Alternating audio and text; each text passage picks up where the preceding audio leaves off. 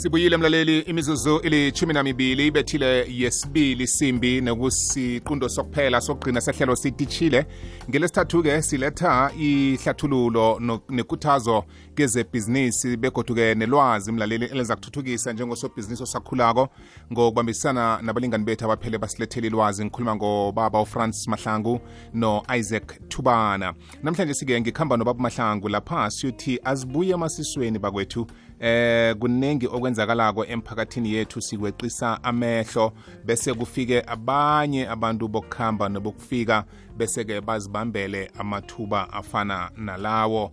Ngaloko lokho-ke sisale silila sithi imisebenzi ayikho amathuba wekho kanti-ke sikhona siyaphila nemali iyangena iyaphuma. Ngaphakathi kwemphakathi esiphila kiyo iphuma iya kubobani? Isetshenziselwa kibaphi abantu sithenga kubobani bobani abathengisako eh, emphakathini yethu esakhe kiyo le. Ngilokho-ke sikuthindako elangeni elanamhlanje sikhumbuza ukuthi maningi amathuba wamabhizinisi ongazibambela wona. Sichinga nenyangeni kanobayeni lapha kuza kuba nokuningi okwenzakalako. Abantu badinga izinto eduze abantu badinga isizo lapha nalapha.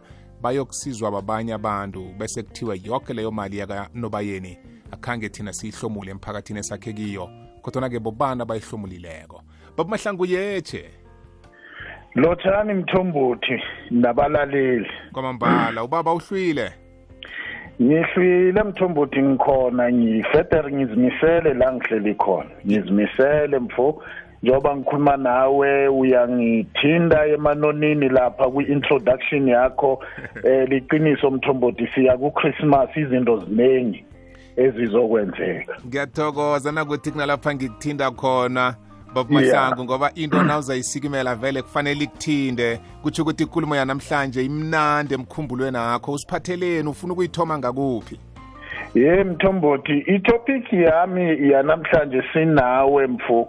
Ilapha eh ku business opportunities akhona emphakathini angadingi ukuthi uze ube sedrobheni uze ube kuma suburb ukuze ulenze. Ayifuni building enkulu ayifuni office elikhulu. Lapho emphakathini manengi ke ama business opportunities akhona mthombothi esiweqisela amehlo bese sijahela ukuya emayini ukuya entweni ezinkulu ezizokuthatha isikhathi kwesinye isikhathi ukufinyelela. Kanti mthombothi ibhizinisi likhona la ukhona. Mthombothi ngizawuveza nako la kukhona khona umuntu.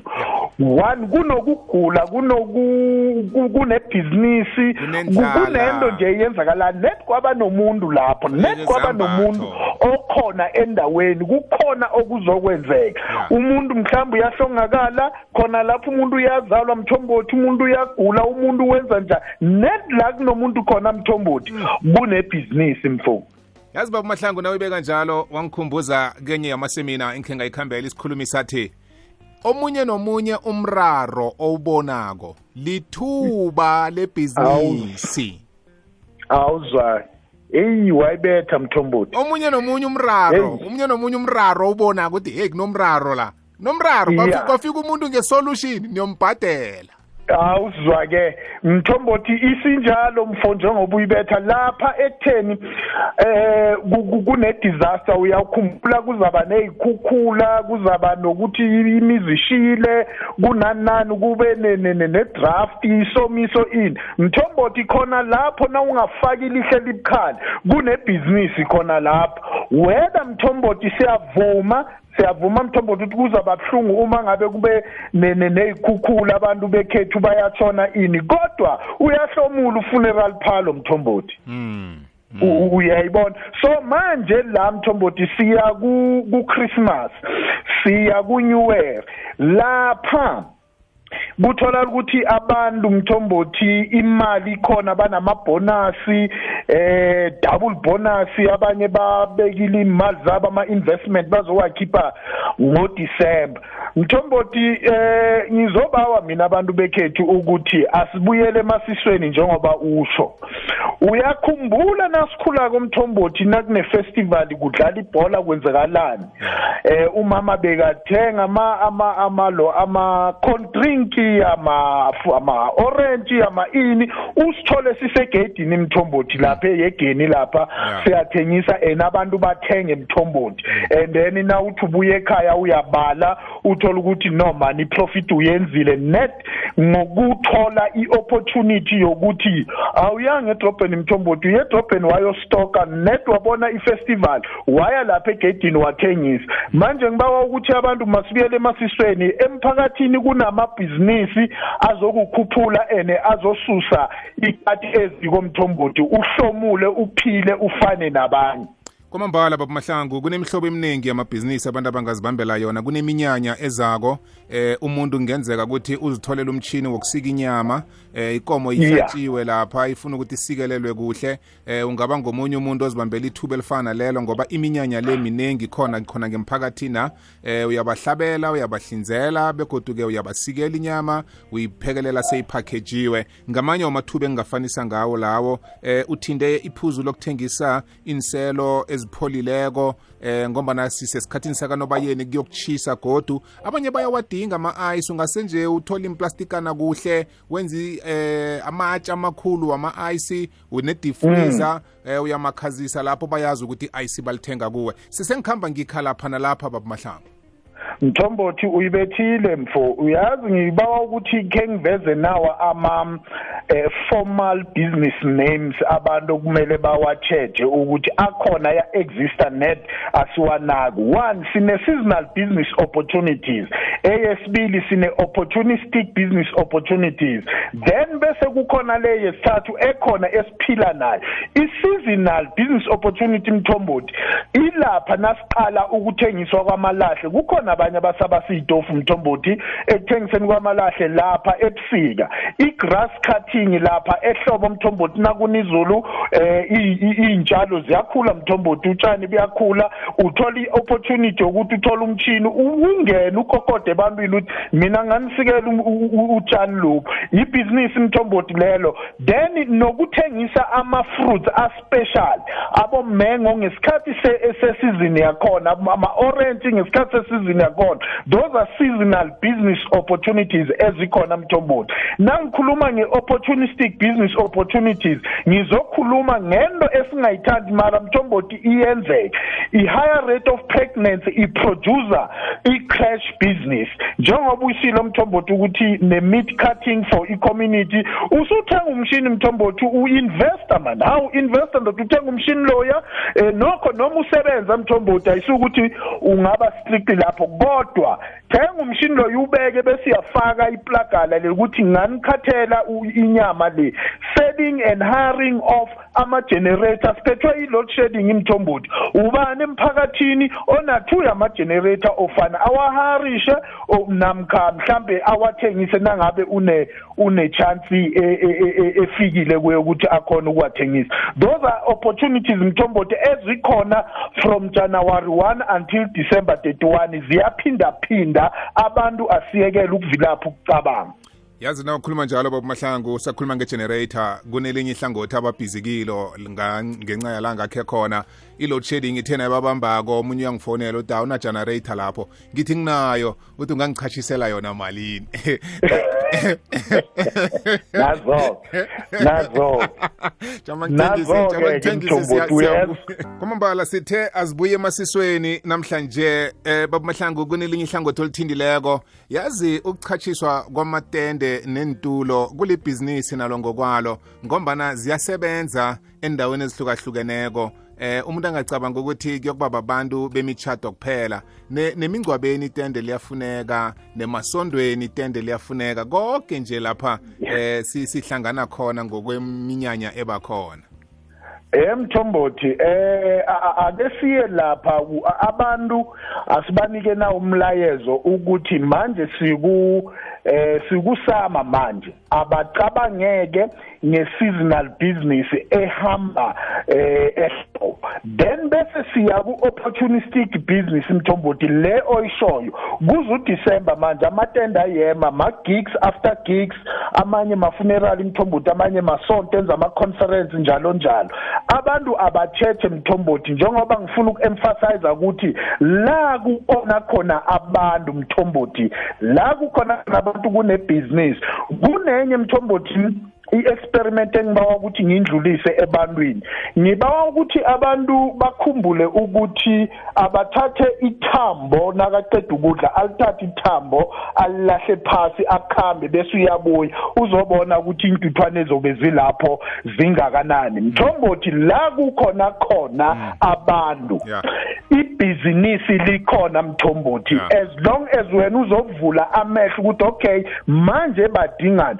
Kunenye mthombothi e- e- ebazoyithathela phansi abantu eh eh, eh, manje seyi-recognize even by i-JSE and other banks. Dala yathoma si-undermine istokfela mthombothi investment eh, nalama grocery investment ukubeka imali zenza i-impact ngodisemba mthombothi nasanselana laba bantu that is part of making sure ukuthi you sustain impilo yakho going forward. You don't need ukuthi bangumsebenzi umsindo ukuthi ye manje abachashi ye kwenzakalani. Look around yourself kwaba nomuntu kukhona into ekhona lapho. Usakhuluma ngama-stockfel businesses baba mahlangu kunomunye umngane wami accountant. Into ayenzileko bekangasebenzi waphelela umsebenzi ekampanini ebekasebenza kiyo. Um weza nombono ukuthi akhona musa ama-stockfel e- elokishini Yeah. nama-society kodwana banomtlhago wokuthi bahlalise kuhle incwadi zabo. Awuzwa-ke wathoma ukunikela ngomsebenzi loyo wathi zani nginenzela incwadi zenu? Iklayenti yokuthoma yaletha yesibili yesibili yaletha yesithathu yesithathu yaletha yesine. Nje a- a- akusemuntu ofuna umsebenzi unamaklayenti wakhe eh incwadi zamaklayenti wakhe zihlezi kuhle ukwazi ukubasiza ukwazi ukubahlelela ukuthi izinto zingaphepha njani bangenza ama-interest kuphi naku eyi we- wenza umsebenzi Yeah. omkhulu. Manje ngiveza lokho ngokuthi abaningi abantu abatsha namhlanje babanjwe yinto yokuthi ngifundile ngifuna umsebenzi. Yeah. ufumaniseke ukuthi umsebenzi akawutholi kodwana uneziqu zebizelo elithileko sengidlulela endabeni yokuthi mhlawumbe umuntu yi-motor mechanic.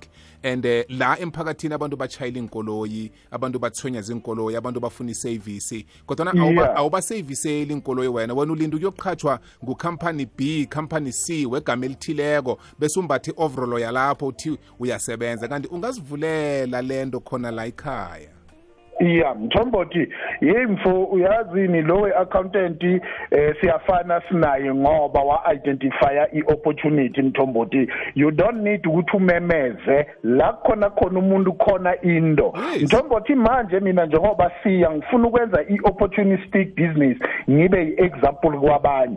Ngibhizi mthombothi sengithengile i- i- sengingenzile i-order and then kumele ngiplane U- umsanami omunye la eh nomntazana nami la ngifuna ukuthi ngibenzele ibhizinisi elincazana mthombothi elincazana Yes. lo uzothengisa i-ice cream lo wathengisa ama-popcorn beme ndawonye lapha ku-center e- e- edrobheni Yeah. la lezi zinto zingatholakali khona bazenzela imali mina umberego wami ukuthi ngi-investe lapho ngibenzele le ice cream then Wow. nalo nama-popcorn benze njalo ngama-weekend ba lapho Yes. bazenzela imali mthombothi ngoba i-opportunistic business ekhona malishisa-ke ilanga mthombothi wonke umuntu ufuna i-ice cream. Then nangabe mhlawumbe umuntu ubhorekile vele uyafuna ukuhlafuna nawo amakipkip Yes. abantu bami bazoma lapho and isport sengi- sengisitholile Wow. net nabavalwako eh, esikolweni baya lapho mthombothi. Yabona lezi esizikhuluma la baba mahlangu kunikela umlaleli ama-ideas wokuthi ungahlali Yeah. kuphela kilo December bona ithuba la wakhe khona bese uvula Yebo. le- lelo hlobo lelo lebhizinisi eh omunye uchomene nabangani abathanda izinto ezihle inhluthu amazipho Yeah. Eh kodwa akabathengiseli indwezi. Eh bayasuka bozifuna kude le. Ngathana uthi no mina nginganisupply angikwazi ukuzifaka but mina nganisupply istock. And then okwazi ukuzifaka niza kuya kuye. Eh anifake konke lokho kuba yi-chain business yabangani. Uyazi ukuthi sithenga inhluthu kubani sithenga inzipho kubani sizifaka kubani? Eish. Eish. Mthombothi.